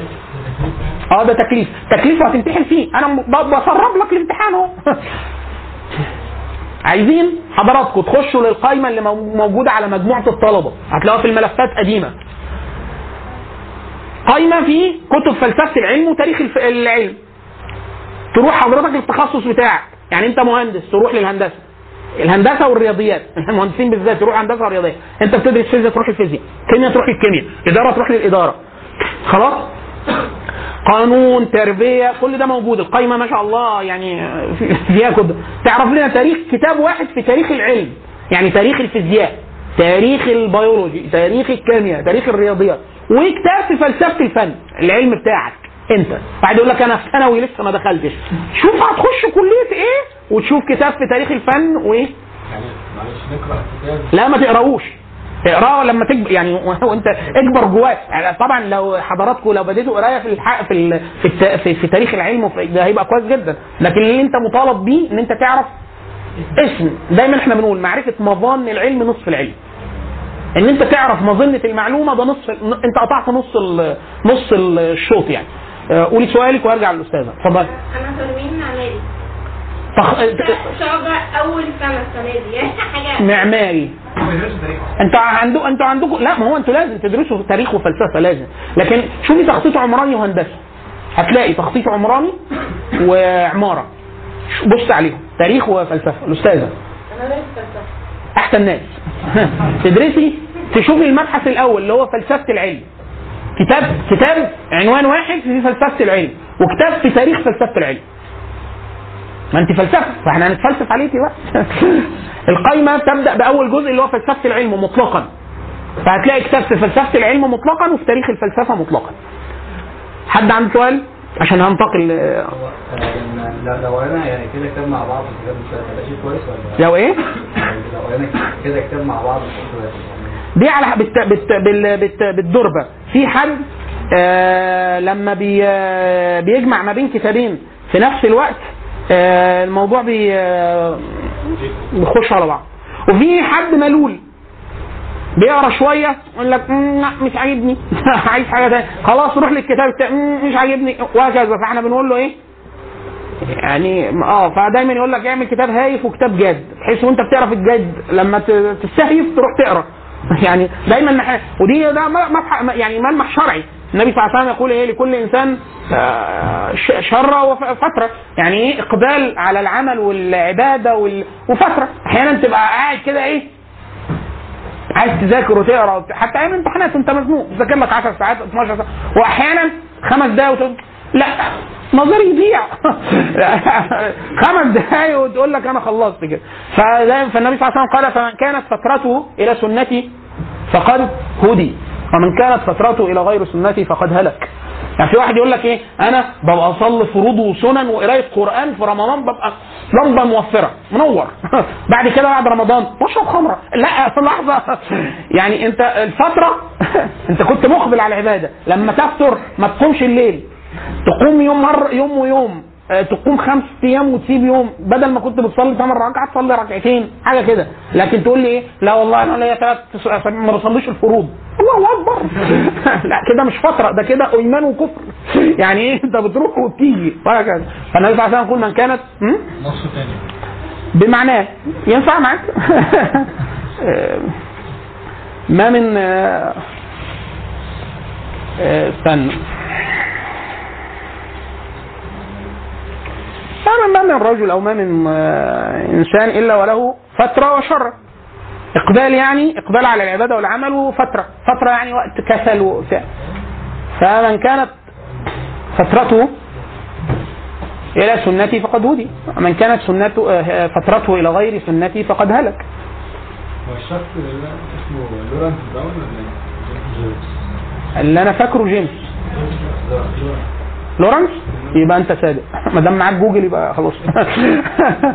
آه لو حد search عليه يبقى له شوفوا الاسم بس هو براون. أنا اللي فاكره وشوفوا جيفري لانج. جيفري لانج ليه محاضرة عن هي منشورة خطأ بعنوان حوار ملحد مع القرآن. اكتبوا جيفري لانج بالعربي. هيطلع لكم المحاضرة دي. المحاضرة دي أنا أكاد اقسم حتى الآن ان هي أمتع محاضرة سمعتها في حياتي عن فهم القرآن أو فهم الإسلام. كان ملحد وأستاذ رياضيات. وبعد كده أسلم. وأسلم ليه كان إسلامه قصة عجيبة برضه إن حد واحد مسلم المسلم كالغيث أينما حل نفع. هم بيدرس لهم رياضيات وهو عارفينه ملحد يسيبوه؟ فواحد اداله هدية معاني قرآن معاني معاني كلمات القرآن مترجم للإنجليزية. فهو شكر على أساس إنه كتاب أسطوري سابق. طبعا ما أنا ما ببصتش فيه بس من باب الأدب واللباقة خدته منه. قال بعد كده نقلت من جامعة لجامعة. فأنا بنقل شحنت كل كتبي على السكن الجديد. والكتب اللي كانت في المكتب خدتها في ال hand bag فخد القرآن مترجم للإنجليزية معاه في ال hand bag قال لما وصلت اتاخر اتأخرت الكتب بتاعت الشحن يومين. فقاعد مكان جديد ما أعرفش فيه حد أصدقائي بالليل ما, ما مش نايم. آه، ما مش مش جاي لي نوم. قاعد بتأمل وبعد كده إيه مش حاجة تتقري فتح الشنطة لقي الكتاب. قال لك حلو قوي جه في وقته. الواحد يعني ملان وبتاع وده كتاب أساطير عن راجل ملحد. أنا ابتديت قريت الفاتحة بالمعنى بالإنجليزي. قال زي الإنجيل. فعلا فيها تعظيم لله عز وجل ودعاء وحمد وكذا وبتاع. خلاص؟ وإحنا دايما بنقول كل الكتب تخرج من مشكاه واحدة قال بعد كده بدأت سورة البقرة. قال أول آية ثاني آية قال رحت واقف. قلت لا لا مؤلف ذكي. يعني عامل تركة ليه؟ بيقول ما فيش كتاب ولا بحث علمي إلا في ال... في واجهة البحث يشكر اللي ساعدوه ويقول إيه؟ وإحنا بنعتذر عن أي أخطاء والأخطاء هنتلافاها في الطبعة الجديدة. لازم لازم كده ما دام بني آدم. لازم أما أما رب العزة في كلام رب الناس قال ذلك الكتاب لا ريب فيه. فهو قال لك إيه؟ لا ده تكنيك جديد. بص هو بيقول أنا كنت ساعتها هو أسلم بعد ذلك. بيقول أنا كنت متصور إن هو بني آدم. فبيقول لا ذكي جدا. يعني بص دخلة جديدة. قال قعدت أقرأ برضه الكلام عام وفي إيمان وكفر وبتاع. قال ثم بدأت قصة آدم. وإذ قال ربك للملائكة إني جاعل في الأرض خليفة. فبيقول آه آه خلاص كده. رجع ينقل من التوراة والإنجيل. ما كل الكتب دايما هم آه، بتوع ال- الأساطير يقولوا إن كل الأساطير بتنقل من بعض. طبعا إحنا بنقول لا هي مش أساطير. ده هذا مما اجتالته الشياطين فغيرت دين الناس. وإلا كان الدين حق فكل القصص في الأصل هي قصة واحدة. ما من حضارة إلا فيها قصة إغراق العالم. فإحنا بنقول آه قوم نوح. قوم نوح. بس هم أدخلوها في أساطير ثم اجتالتهم الشياطين عن دينهم. حديث الحديث القدسي. إني خلقت عبادي حنفاء كلهم وإن. وإن الشياطين جاءتهم فاجتالتهم عن دينهم ويعني حلت لهم الحرام وحرمت عليهم الحلال وامرتهم بما لم ينزل به الله سلطان. خلاص؟ فبيقول قعدت اقرا في القصة. هو كان إيه اللي خلاه هو ولد مسيحي وأمه متدينيه جدا في المسيحيه إيه اللي خلاه؟ الحد إن أبوه سكير ورجل فاسق وكذا بيضرب أمه وبتاع فبيقول لك العالم ده في في إله في إله رحيم وعادل دي تعبده تتضرب وبتاع والتاني ده شر ولا معضله الشر. ودي معضلة فلسفيه مشهورة. فبيقول أول ما قريت قال الآية أول ما قال أنا حسيت إن شعري وقف. اللي هو إيه؟ هو مشكلته مع مشكلة الشر. فيقول لك إيه؟ أول كلام. ده لسه بيقول لك الخلق ما بدأ ما فيش خلق لسه. ما فيش بني آدم لسه. إيه؟ اذ قال ربك الملائكه إني جاعل في الأرض خليفة. قالوا أتجعل, تجعل فيها ما يفسد فيها ويسفك الدماء ونحن نسبح بحمدك ونقدس لك. فيقول إيه ده؟ ده من قبل ما يتخلق. معروف إن هيفسد ويسفك الدماء؟ لا وحش. لا قصة متغيرة. ارى شوية إيه ده؟ مفيش حواء خرجت آدم ده الاثنين أخطأوا. قال رحت كمل المصحف كاملا قراءه مش في القعدة على مرات ويقرأ. وبعد كده قال رجعت قريته تاني. قال لغاية ما وقر في قلبي إحنا دايما بنقول خير إن هذا الكلام صادر مش من بشر. ده إله. ده حاجة متجاوزة للناس. قال رحت الجامعة الجديدة اللي راحها قال قلت سالت قلت لهم في مسجد للمسلمين قالوا له في البدروم تحت. قال طلعت نزلت كذا مرة اطلع انزل قال دخلت في ناس شافوني قوي راح قاموا على طول. سبحان الله مسلم كالغيث اينما حل نفسه. مجموعة من جماعة التبليغ والدعوة. شكله أوروبي ومن غير لحيه وبتاع قالوا أنت إيه؟ تسأل عليه. قال لهم لا أنا جاي غلط. قال لا والله ما حد على أنا أنت هتروح فين؟ قالوا طب نكلمك عن الإسلام. طب مش عارف إيه. قال لهم طب ماشي كلموني. فقعدوا قعدوا يكلموه بتاع وقال له قال لهم والله يعني كلام يعني هو ده اللي أنا هم شرحوا له بقى الإسلام. فقال هو ده اللي وقع في قلبي فعلا بعد ما أنا قرأت القرآن. فقالوا له طيب خلاص أنت أسلمت. قال لهم آه، لا لسه. قالوا له بس أنت كده مسلم. يعني ما دام انت الفكرة دي ف... المهم يمين شمال قال وأنا قاعد دخل عليهم أمير جماعة التبليغ والدعوة. كل مجموعة بيبقى ليها أمير سفر أمير حرب مش أمير بالمعنى اللي آه، بتاع عادل إمام في الإرهاب والكلام يعني. خلاص؟ فقال لحية وعمامة مزيلة وبتاع قال حسيت إن موسى جاي من العهد القديم. سيدنا موسى لأن هو بيقرا بي- بيقرأ في قال فدخل فأول ما شافني.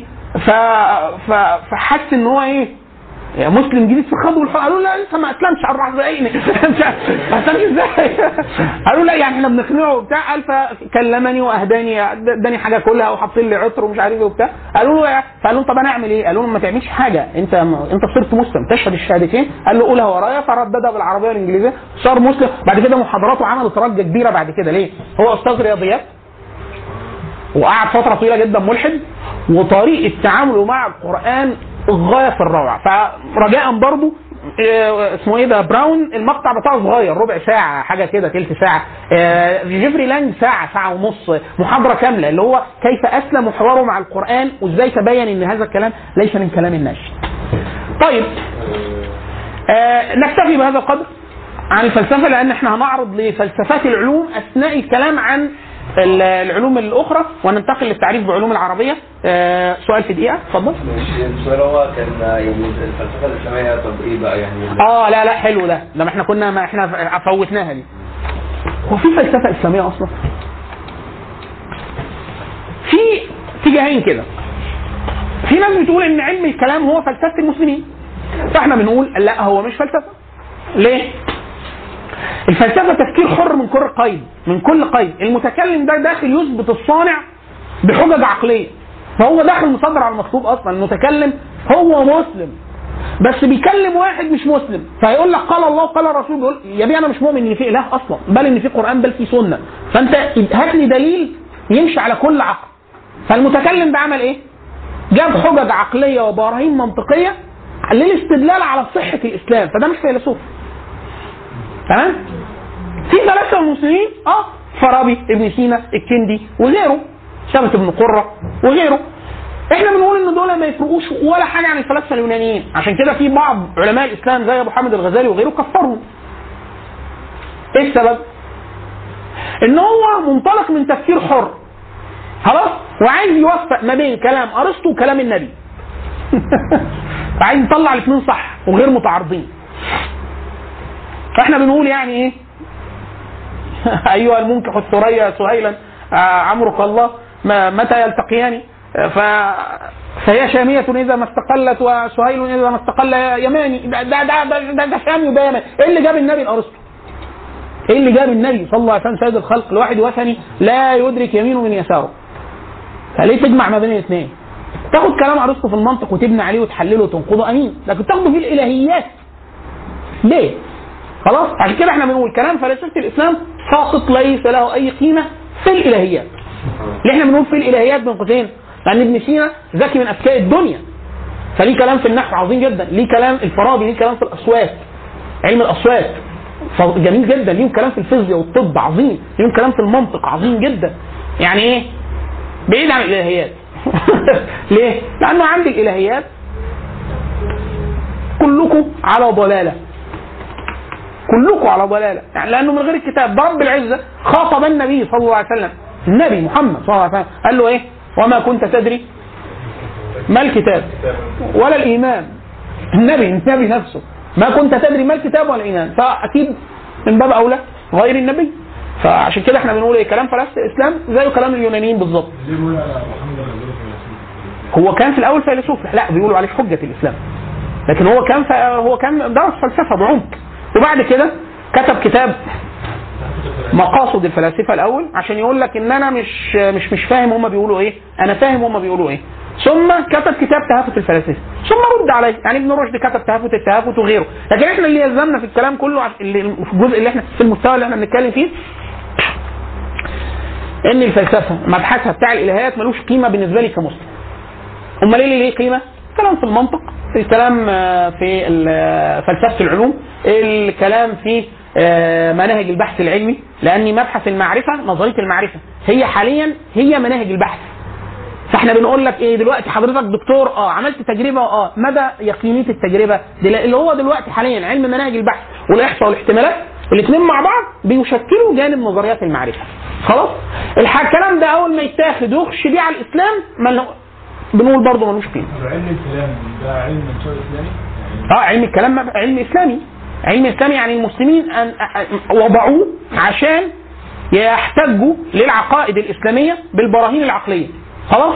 وأحسنوا من وجه واساءوا من وجه. أحسنوا من وجه من ناحية تجريد البراهين العقلية اللي في القرآن وعرضها على غير المسلم.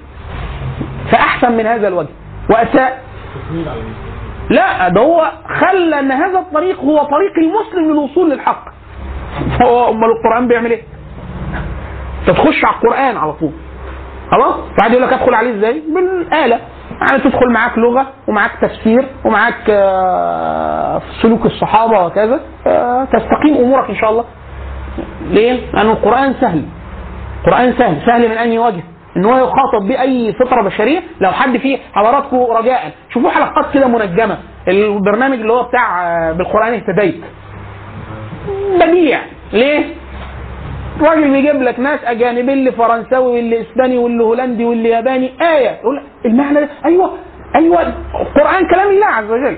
فالله عز وجل أنزله نور وهدى. وبصائر وهداية إلى يوم القيامة. فأي حد يتعرض للنور يعني يلمسه يلمسه يهم يجي من جنبه يسلم يسلم القرآن كله نور. فأنت لما بتروح أنت كده بتروح باقصر طريق مش كده الأعراب. لما كان يجي مع عربية وبيطلع عليه القرآن. آية وتلاقيه بكى ونهار وبتاع. إيه النبي صلى الله عليه وسلم لما دخل, دخل عليه أعرابي فقال علمني شيئا مما علمك الله. فقال له واحد من الصحابة حفظه حاجة من القرآن وفهمها له. فقرأ عليه قول الله عز وجل فمن يعمل آه، فمن يعمل مثقال ذرة خيرا يره ومن يعمل مثقال ذرة شرا يره. فاستعبر الأعرابي قال إنه لإحصاء دقيق. يعني إيه؟ إحنا هنتحاسب كده. قام فالصحابي قال له استنى فهمك وبتاع فالنبي قال له إيه؟ دعه فقد فقه. فقه يعني خلاص تعال فهم فهم. وهو ده اللي إيه؟ عشان كده الصحابة؟ الصحابة. وهم أجل الناس بعد الأنبياء. كان يسأل عن السورة يقول ليست عندي. يعني قليل اللي كان حاوي القرآن كله.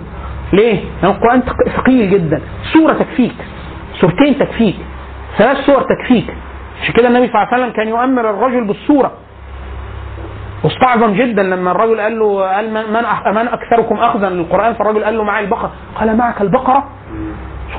سورة البقره سورة البقرة؟ سورة البقرة. سيدنا عمر الخطاب حفظها 12 سنة. ليه؟ الصحابة كانوا يحفظون كحفظنا الآن. كانوا يحفظون الآية علما وعملا. فكان يتعلم خمس آيات فلا يتجاوزها حتى يعلم حلالها وحرامها ويطبقه. فإذا عمل بها انتقل. انتقل انتقل انتقل حتى يأتي على الصورة فعشان كده كان القرآن يصعب. سهل عليهم العمل به وصعب عليهم حفظه. في آية- أثر عن سيدنا عبد الله بن مسعود كده. ويأتي زمان على الناس يظن يقصدنا يعني يسهل يسهل علينا الحفظ.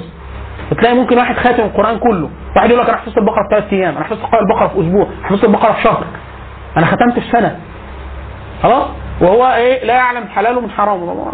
وكانه عدى بل لما وصف الخوارج قال يقرؤون القرآن لا يجاوز تراقيه. يعني ولا كأنه فهم حاجة. ما فهمش حاجة خالص. طيب. سبحانك اللهم وبحمدك أشهد أن لا إله إلا أنت أستغفرك وأتوب إليك. بسم الله الرحمن الرحيم. إحنا هننتقل للتعريف بعلوم العربيه